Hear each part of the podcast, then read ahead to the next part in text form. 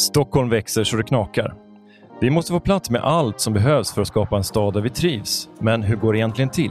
I podden Stockholm växer pratar jag, Fritte Fritzson, med experter från Stockholms stad om frågor som berör just dig. Idag handlar det om idrott och motion som ju gör oss friskare, starkare och gladare.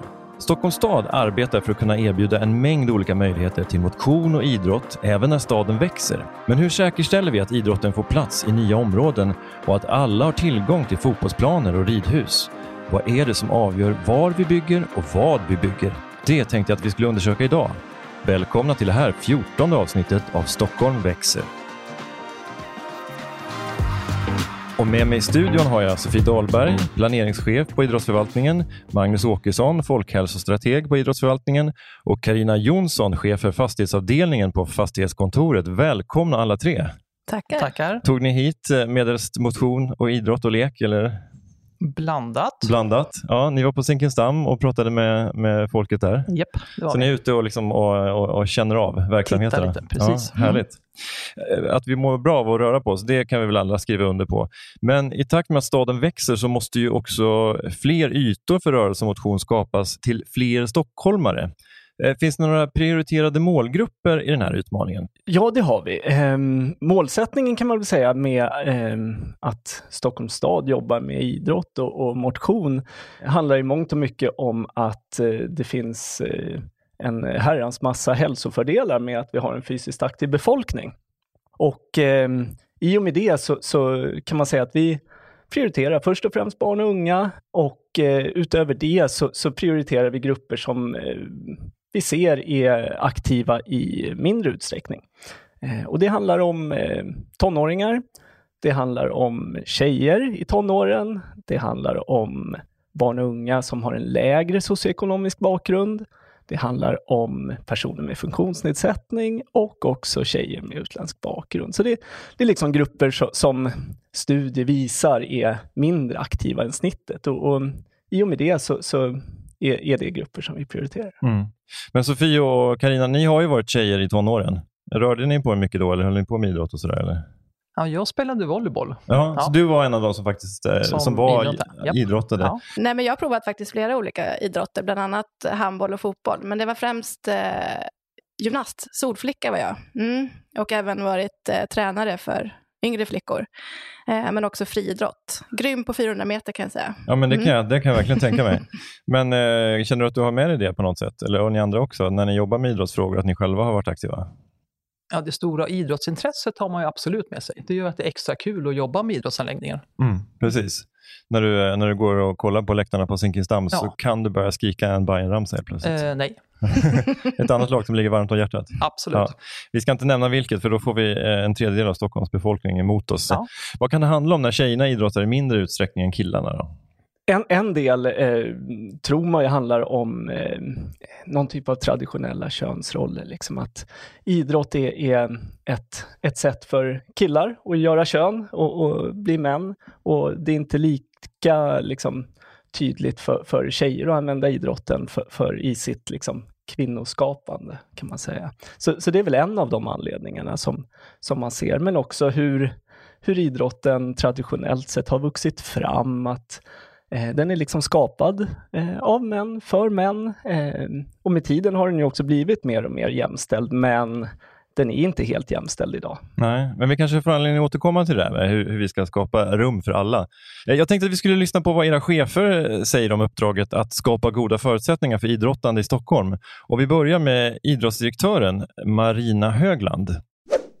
Det handlar om den traditionella idrotten och det handlar om det nya som ska komma och det som vi behöver ha span på. Och så handlar det just om själva utövandet, att man ska vilja idrotta. Så det ju för, från idrottsförvaltningen så ser vi ju på det från flera perspektiv. För vi behöver ju få tillgång till platser för att att kunna skapa de här ytorna. Och vi behöver också få, få tillgång till eh, föreningarna som ska vara på platserna. Vi brukar kalla oss samhällsbyggare just därför, för att vi vill vara med när staden växer och bygga staden. Och från vår förvaltning så försöker ju vi då ha det här långa perspektivet och titta på hur ser trenderna ut? Vad är det vi ser behövs? Och vi har också en långsiktig investeringsplan som tar ut äh, riktlinjerna för hur mycket som behövs och vilken typ av idrottsanläggningar som behövs. Ja, Marina var inne på eh, behovet av nya ytor och anläggningar för idrott. Hur jobbar ni egentligen med det här? Hur har ni så att säga örat mot asfalten? Dels så eh, jobbar vi sedan ganska många år tillbaks med ett eh, forskningsprojekt som heter Ung livsstil som vi eh, har tillsammans med Stockholms universitet där vi bland annat eh, undersöker vilka typer av idrottsanläggningar som eh, barn och unga i Stockholm tycker att Stockholms stad ska satsa på. Eh, och de studierna blir ju också ett sätt för oss att leva upp till barnkonventionen där barn och unga liksom ska, deras åsikter ska, ska bli lyssnade på. Ja, men som Marina var inne på så har vi ju precis också tagit fram då en, en strategi för idrottsanläggningar och vad vi ska bygga här eh, som tar sikte på, jag menar dels 2030 men också 2040. Vi tittar ju just på eh, befolkningsökningen och, och, hur det kommer se ut framöver och just med, med de här nyckeltalen då, alltså vi räknar, alltså kvant, kvantifierar egentligen behovet av de större anläggningstyperna som fotbollsplaner, eh, idrottshallar, simhallar, friidrottsytor, eh, så att vi kan se också, ja, men dels i vilka delar av staden, så att vi får en jämn fördelning över hela staden av, av idrottsanläggningar. Och där, de här nyckeltalen har vi tagit fram med förbunden då eh, och försöka få en förankring i kring ja, men hur stort är egentligen behovet av idrottsanläggningar när, när staden växer. Sen är det ju även jag menar, önskemål från allmänheten. Eh, det är ju även anläggningsråd som vi har ute på våra anläggningar. Men Sofie, vad är ett anläggningsråd egentligen? Med jämna mellanrum så så träffar man egentligen de aktiva föreningarna som nyttjar de idrottsanläggningarna och idrottsplatserna för att fånga in eh, synpunkter och önskemål och prata om hur liksom, det fungerar på anläggningen. Kvartssamtal för idrottsrörelsen. Precis så. Ja. just det där som du nämnde inledningsvis, Magnus, eh, just det där med önskemål från barn och unga det kan ju vara så potentiellt sett att, att eh, 70 procent önskar sig då nya volleybollplaner, men så kanske inte det blir så i praktiken att de används lika mycket. Så jag antar att man måste också kalibrera önskemålen mot eh, det man ser i liksom det praktiska utövandet, tänker jag. Absolut, och det, det finns ju ganska intressanta kontraster eh, när, när man tittar på önskemål där man ser att de anläggningstyperna som Eh, som används i organiserad form, liksom av föreningsidrotten till exempel. Där, där sker det eh, ganska långsamma förändringar liksom i, i eh, barn och ungas preferenser. medan anläggningar som används oorganiserat, liksom där man går som privatperson, där kan det svänga mycket, mycket snabbare i vad, vad som är trendigt just nu. Just det, och det här är ju din chef Karina Anders Kindberg inne på. Jag tänkte vi skulle lyssna till honom också. Uppdraget är eh, jättestort och vi har ju då till uppdrag att försöka förverkliga det som stockholmarna vill ha i någon form av byggnad eller fastighet. Och det är idrottsförvaltningen som är vår interna beställare. Det är också de som har örat mot verkligheten och vet vad föreningarna behöver, vad medborgarna behöver. Både på organiserad nivå men också på den eh, spontanidrottsliga nivån. Och Det här tycker jag är otroligt viktigt utifrån eh, samhällsperspektivet eh, när jag tittar på inte minst mina egna barn som absolut inte rör sig lika mycket som jag själv gjorde. Och Då behövs det verkligen tänkas till på en strategisk nivå hur vi säkerställer att det finns viktiga idrottsytor för både organiserad och oorganiserad idrott. Eh, sen är ju vårt jobb då att se till att det här blir till någon form av funktionell verklighet ur ett ekonomiskt hållbart perspektiv också. Eh, att kanske samordna olika funktioner, eh, se till att det blir driftmässigt ekonomiskt hållbart över tid och också tillgängligt eh, för alla medborgarna, skulle vi säga. Ja, Anders var ju liksom du inne på spontanidrotten och den är ju spännande för att den liksom uppstår. Men då kanske det också ställer speciella krav på hur man ska tänka kring spontanidrott. Nej, men precis, där tittar vi ju på ja, men dels liksom att, eh, att just fånga in eh, liksom önskemålen och vad man vill göra. Och där, vi har ju sett att tjejer till exempel har ju, tar inte del av de här spontana eh, platserna på samma sätt som killar gör, utan det blir gärna att, att killar tar över de platserna. Eh, och där jobbar vi både med liksom hur vi utformar, men också sen hur platserna faktiskt används. Men när det gäller själva utformningen så, vi har ett exempel i Rågsved, en tidigare grusboll plan som en del liksom i, i att utveckla Rågsved. Och där hade vi ju dialoger med, med tjejer som är aktiva. Och eh, just ställa frågan till dem. Vad är det de ser liksom skulle behövas eh, på platsen för att de skulle eh, nyttja den här platsen. Vad var det för önskemål som kom fram då? Eh, ja, men dels var det en dansbana, vilket vi också byggde. Eh, och just hur den skulle utformas också för att den ska kännas som en trygg plats. Sen önskar de sig också såna här vet du, studsmattor, eh, så det finns det också. Och Det som är lite intressant här i Rågsved, eh, om, man, om man tittar på spontanidrottsanläggningar utomhus så, så är killar i majoritet på nästan alla eh, spontanidrottsanläggningar. Men just dansbanan är fat, faktiskt ett exempel där, där eh, vi har sett att tjejer är i majoritet bland nyttjarna. Så, så att just den blev ju ganska lyckosam får vi ändå säga när, när det handlar om ett jämställdhetsperspektiv. Mm. Hur funkar det? Finns det någon inbyggd högtalaranläggning där då? Också? Ja, men det gör det. Precis. Ja. Så där hade vi från början hade vi lite klagomål eh, kring ljudvolymen där. Men det har, vi har liksom, eh, hittat en, en lagom nivå där så att alla är nöjda. Det här är ju både fantastiskt och modernt. Ju. Ja, ja, men eller hur. Nej, men sen som Magnus är inne på så är det just viktigt att liksom också när väl anläggningen är på plats, att vi också har ett samarbete. Vi har ju de här tjejerna som har tagit del av den här ytan tidigare, och också Rågsveds IF som har varit engagerade i det här. Personer som jobbar i, i, på stadsdelsförvaltningen och liknande, med, som jobbar nära ungdomarna också, har kännedom och kan liksom, eh, finnas på plats, så att vi liksom går in från staden eh, på olika sätt. Det låter så. jättebra. Det är spontan idrott och så blir det nästan som en spontan fritidsgård kan man säga mm. också, utomhus då det finns en demokratiaspekt i det här också. Liksom vem äger det offentliga rummet på något sätt? Och jag kan ju verkligen se framför mig hur de här eh, killarna då spelar på den här eh, spontanfotbollsplanen och kanske inte släpper in tjejerna som skulle vilja spela. Men finns det några liksom eh, praktiska grejer man skulle kunna göra för att hitta en större jäm, jämlikhet i hur man använder ytorna? Vi har ju sett en Eh, metod, eller vad man ska kalla det för, som verkar vara hyfsat framgångsrik. Och, och eh, det, det, handlar om att mm, tillsätta ledare så, så, att man gör liksom det spontana organiserat på något sätt. Och eh, förmodligen så handlar det om att vi lyckas ge tjejerna plats och tillträde till de ytorna och liksom visa att det här är er plats. Och det, det verkar inte ske spontant, utan där, där behöver vi liksom gö göra extra insatser. Mm.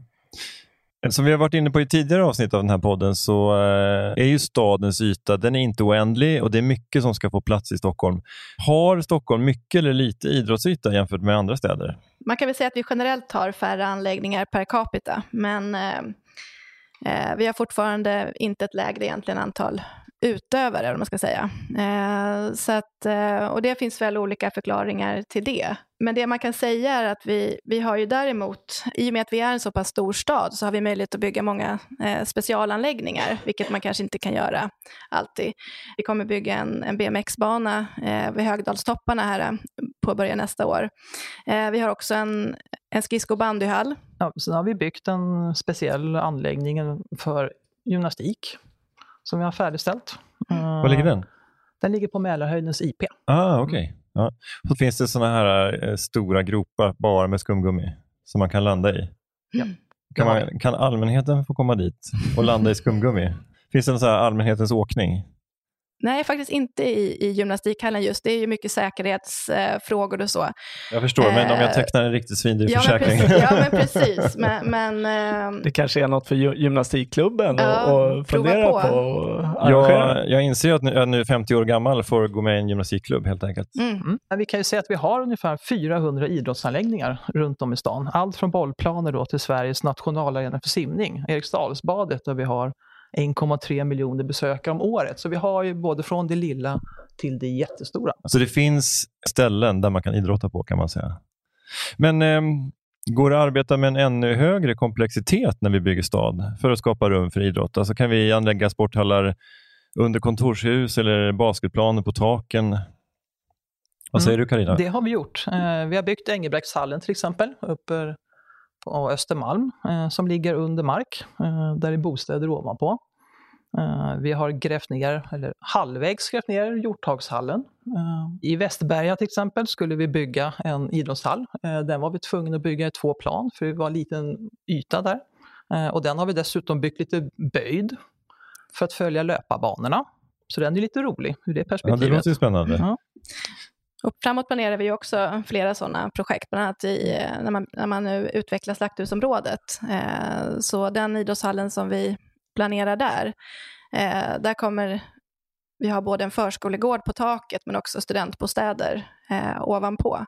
Så vi försöker hela tiden hitta yteffektiva lösningar. Men det är också kostnadsdrivande. Eh, så att det krävs ju liksom också att, att eh, exploateringen medger det, att vi kan satsa extra pengar på just den här typen av utformning. Men jag tänker bara på en sån enkel grej som att en idrottshall är ju ganska stum på det sättet att även det kanske finns något dagsljusintag, men det är ju ganska, ja men det är stora väggpartier och sådär, att man skulle kunna tänka sig att jobba med, med bebyggelse runt om. Mm. Alltså till exempel mm.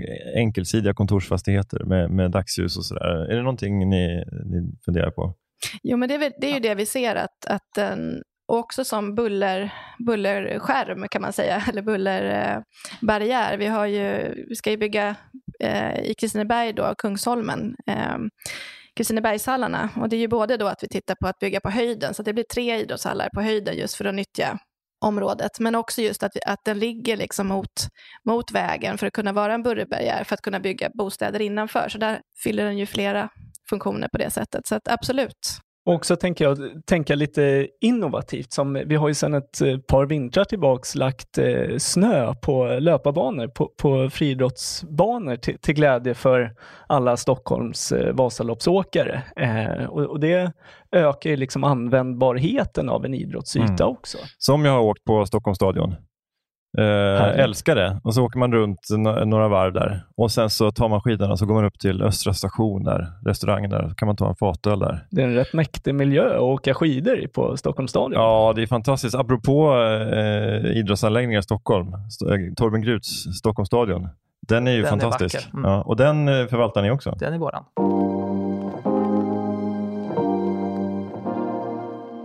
Men ni har varit inne på lite anläggningar, Kristineberg till exempel. Eh, har ni några andra anläggningar som ni har byggt eller som, ni, som är på väg som ni är lite extra stolta över som ni skulle vilja berätta för stockholmarna om?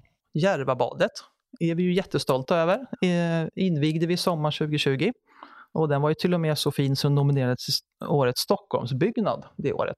Vi vann inte, men ja, vi var nominerade. Det är ju stort. Ja, men har det här varit efterlängtat länge då? Det har varit efterlängtat sedan 70-talet. Stadsdelarna runt Järvafältet har inte haft varken strand, tillgång till strandbad eller utebad. Det är viktigt, inte minst ur simkunnighetsperspektiv också i, i de stadsdelarna där eh, ett utebad och, och, simhallar är väldigt viktigt för, för att eh, barnen ska kunna lära sig simma. Mm, har det varit välbesökt? Ja, det har varit välbesökt. Sen har det ju varit corona då, då men, så att det har eh, gjort att man får särskilda restriktioner, men det har faktiskt varit köer till ja. Järvabadet. Men så kanske en mm. rekordsommar 2022 då? Ja, men precis. Det hoppas vi på. Har ni några fler anläggningar då? Alltså, vi satt och funderade på mm. vad har vi egentligen gjort de mm. senaste åren och insåg att vi har ju byggt väldigt mycket nya anläggningar. Mm. Eh, vi har byggt nya idrottshallar. Vi har byggt Hjorthagshallarna, Kämpetorp. Eh, vi har byggt Telefonplanshallen som vi har pratat om. Eh, sen byggde vi fyra enkla hallar i ett väldigt tempo här för några år sedan. Eh, vi har precis färdigställt en rugbyplaner på Gubbängens sportfält. Mm. Också jättekul. Lite annorlunda. Och sen ska man nog inte glömma bort sådana här enkla anläggningar så, som jag tror uppskattas av många som utegymmen, som, som eh, på något sätt har poppat upp eh, rätt många Eh, och, och, idén har väl egentligen funnits sedan motionsspårens tillkomst på, på 60-70-talet då, då, det fanns lite stockar ute i skogen som man kunde slänga omkring med, men där det på något sätt idag är ett snudd på fullvärdigt eh, gym på många ställen. Det är också uppskattat. Jag bor i Gröndal. Där finns ett jättefint utegym. Eh, känns ganska fräscht och nybyggt. Jag vet inte om ni har koll på exakt när alla är stadsdelen. Så det är inte bara ni som placerar ut utegym utan det är... Det är ett delat ansvar. Okej, okay. ja. har, ni, har ni fler delade ansvar med stadsdelarna? Ja, men det är just när det gäller spontan idrottsytorna. Eh, och en, just apropå din fråga där om någonting vi är speciellt stolta över så, där, så är det just den anläggningen som vi pratade om tidigare i Rågsved som jag eh, känner lite extra för. Så där. Dels att det var eh, att det kändes som att det efterfrågat av en grupp som inte annars kanske ha tillgång till ytor på det sättet. Eh, men också att det var ett samarbete med, eh, ja, men dels med stadsdelsförvaltningen eh, i hur man eh, kan utforma ytorna Ja. eh, på den platsen. Eh, nu har vi pratat mycket om nybyggnader och det som ni är stolta över, men jag kan tänka mig att ni är stolta över ert fastighetsbestånd också. Och, hur jobbar ni med, och nu vänder jag mig kanske främst till dig Karina, för att utveckla och renovera ert bestånd? Alltså, vi gör ju hela tiden statusbesiktningar och kollar hur mår husen och anläggningarna. Eh, och det vi prioriterar främst är ju då framförallt säkerhet och myndighetskraven. Då. Eh, och när vi då ser att den här anläggningen behöver vi ur ett fastighetsägarperspektiv eh, renovera, eh, då pratar vi med idrottsförvaltningen och tittar vad behöver verksamheten? Är det här en prioriterad anläggning eller inte? Och sen så, vi har den här utmaningen då att vi både ska ta hand om det vi har och samtidigt som vi ska bygga liksom nya anläggningar. Så att det är en hård prioritering som vi gör varje år här. Men om man då ska vikta två saker, om det finns en idrottshall från 60-talet med liksom en tegel och det är lite träbänkar i omklädningsrummen och grånat kakel, men det, det är fullt funktionellt. Är det okej att den får vara som den är då, några år till och istället kunna satsa de pengarna på att bygga ännu mer, någonting som, som saknas? Är det så att den håller, då, då behåller vi den så länge det går. Ibland gör vi lite ytskiktsrenoveringar och annat, men det är ju hela tiden säkerhetsaspekten som är viktiga för oss. Vi går också in och gör vissa tillgänglighetsanpassningar. Ja. Vi får in frågor från allmänheten också. Eh, och eh, Du som lyssnar kan också ställa din fråga på Stadsutveckling Stockholm på Facebook. Så håll utkik där när vi ber om det. Här kommer en som handlar om byggande för just idrott. Hur kommer det sig att det går så fort att bygga till exempel en massa paddelbanor när det tar så lång tid att bygga en vanlig idrottshall? Paddelbanor kontra vanlig idrottshall. Vem eh, manade att svara på den frågan? Ja, vi har byggt en paddelbana eh, i, som Stockholms stad äger. Sen är det privata initiativ som bygger de andra. Är det därför det går så Eh, snabbt? Nej, de använder oftast befintliga tak. Eh, de använder befintliga byggnader som någon annan äger. Eh, och då går det ju fortare. Men skulle ni säga att det tar lång tid att bygga en idrottshall? Det gör det. Eh, Och det är mest eh, hela myndighetshanteringen med det bygglov och så här som tar Precis, tid? vi ska ha detaljplaner på plats och vi ska ha bygglov. Och, Mm. ja. Men när man väl kommer med linträstommen och, och monterar fasad, då är det inte den, stora biten, den långa då, biten? Då går det fortare. Ja, ja. Och Hållbarhetsperspektivet genomsyrar ju det mesta idag. Eh, Hur jobbar ni för att bygga gröna anläggningar? Alltså, vi tittar ju hela tiden på materialval. Eh, både att det ska hålla länge och de ska vara miljövänliga såklart.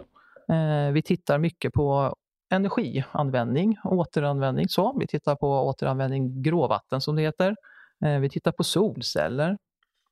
Vi har precis byggt en solcellsanläggning på Farsta simhall till exempel. En av de största i Stockholm. Ja. Mm. Eh, när vi byter belysning så byter vi till LED såklart. Eh, vi sätter upp rörelsedäckare för att tända och släcka. Eh, vi håller på att titta på i Västertorp så har vi ett innovationsprojekt just nu där vi provar UV-ljus, eh, vattenrening. Eh, när vi bygger nu fotbollsplaner och annat så gör vi snöupplagsplatser då för att samla ihop eh, så att vi inte slänger ut granulat i onödan.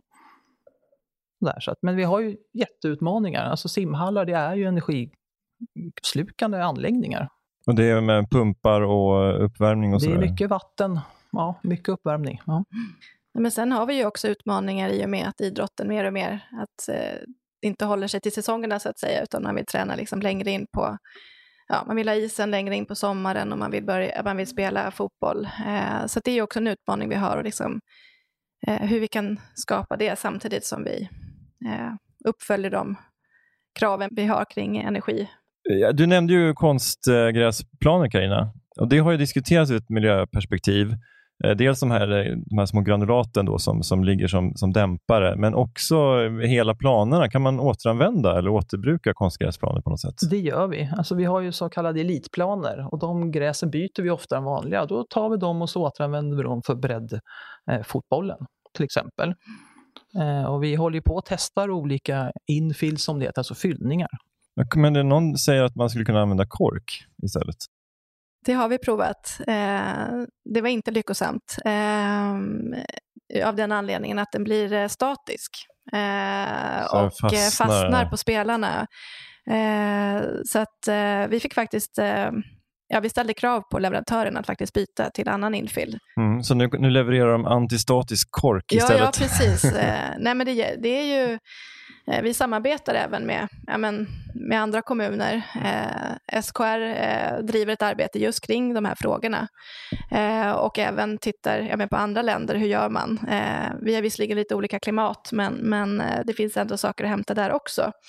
Eh, och vi försöker också trycka på marknaden just att eh, vi är en ganska stor eh, köpare av eh, beställare av konstgräs och just att trycka på marknaden att komma med de här nya materialen och eh, eh, både när det gäller den här infillen men också konstgräset i sig så att det till exempel ska kunna vara återvinningsbart. Eh, mm. När det gäller våra konstgräsplaner så har vi också, när det gäller hundraårsregn och skyfall så eh, ja, men så tittar vi också på att bygga eh, fördröjningsmagasin under våra badplaner och det är just inte bara för det som vi så att säga, eh, med idrottsanläggningarna skapar för, för behov att ta hand om dagvattnet, utan även då när man förtätar staden. Ja, men det låter ju väldigt smart och ett, ett bra sätt att utnyttja den här ändliga ytan som vi har pratat om flera gånger.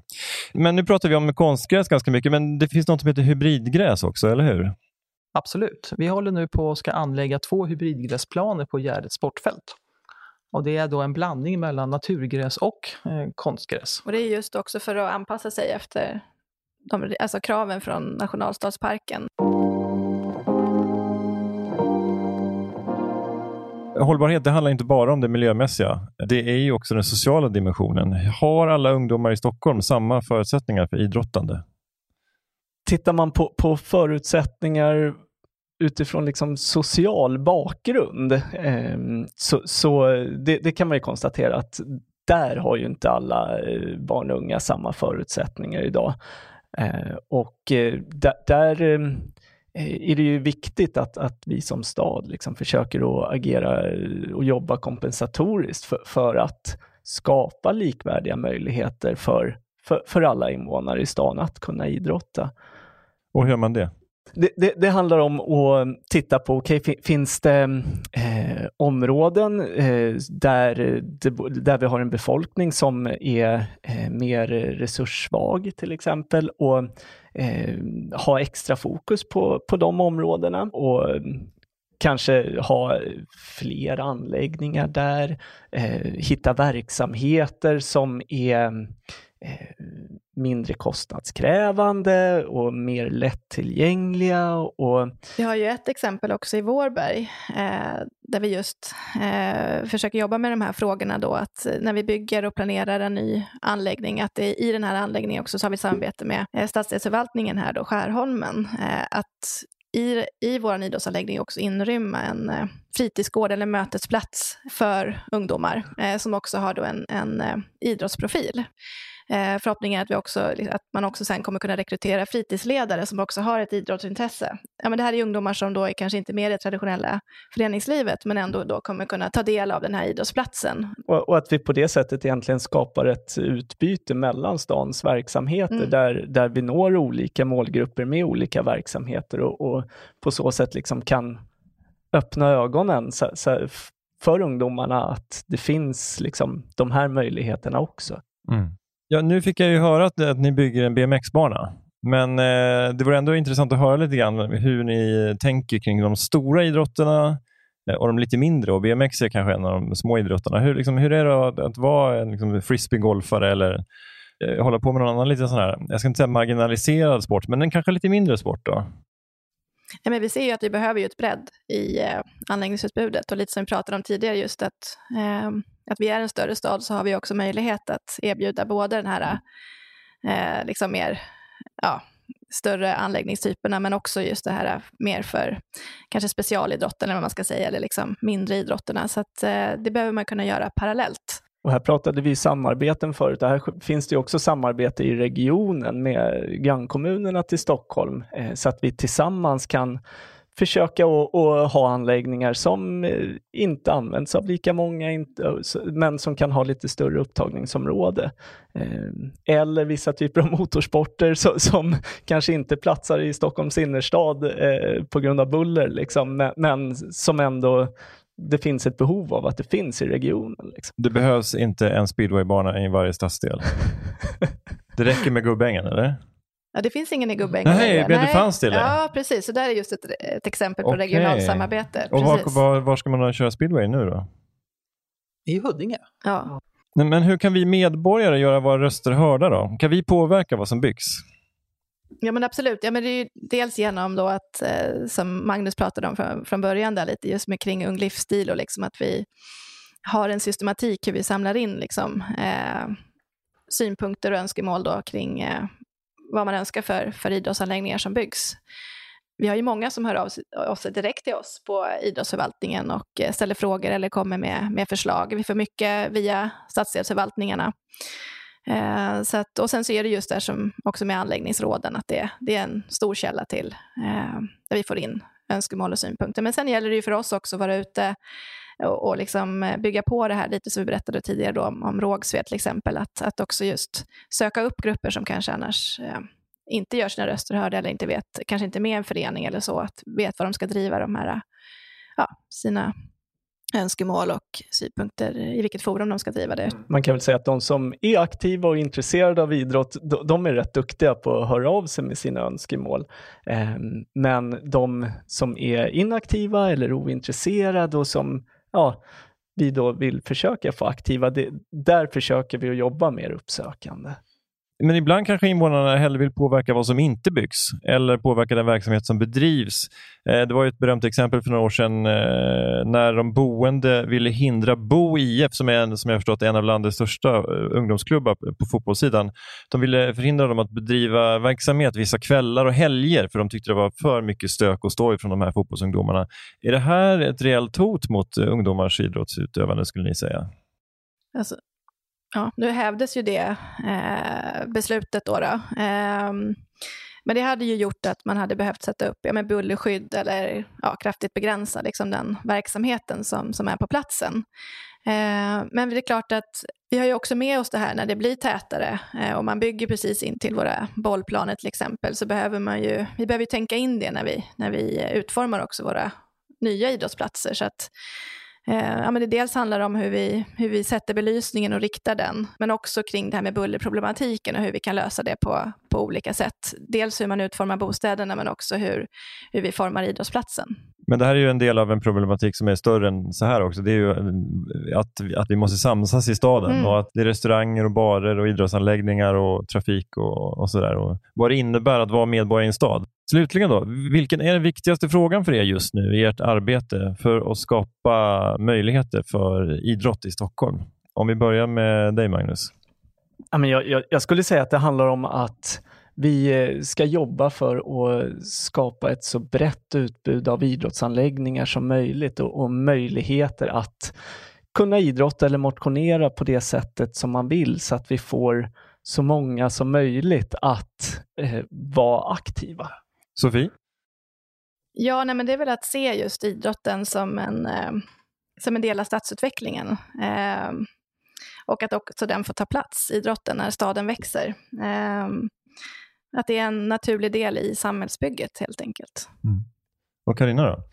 Ja, ta hand om våra befintliga anläggningar så att de verkligen fungerar för det de är avsedda för och kan utnyttjas så mycket som möjligt av medborgarna. Mm. Så att jag även i framtiden kan stå på sinken och, och skråla lite grann. Mm. Absolut. Ja.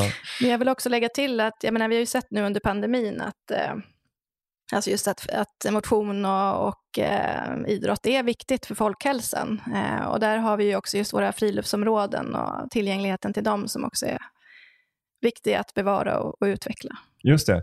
Men nu, ja, nu är vi inne på en, ett stickspår här, kanske med de här friluftsområdena. Då. Är, det, är det också ni som ansvarar för dem i högst, eller i st ja, till största del? Det är, ett, det är ett delat ansvar också med stadsdelarna. Då. Så att, eh, stadsdelarna ansvarar för allting som är inom Stockholms stads gränser. Och när det gäller, sen äger ju staden, eh, Stockholms stad mark utanför stadens gränser. Eh, bland annat då Ågesta, Nackareservatet, eh, men också Lövsta norr om stan. Då. Så att, och de har vi tillsammans, alltså fastighetskontoret idrottsförvaltningen då, eh, drift och utvecklingsansvar för. Kan man säga. Och Ågesta, där kan man också åka skidor?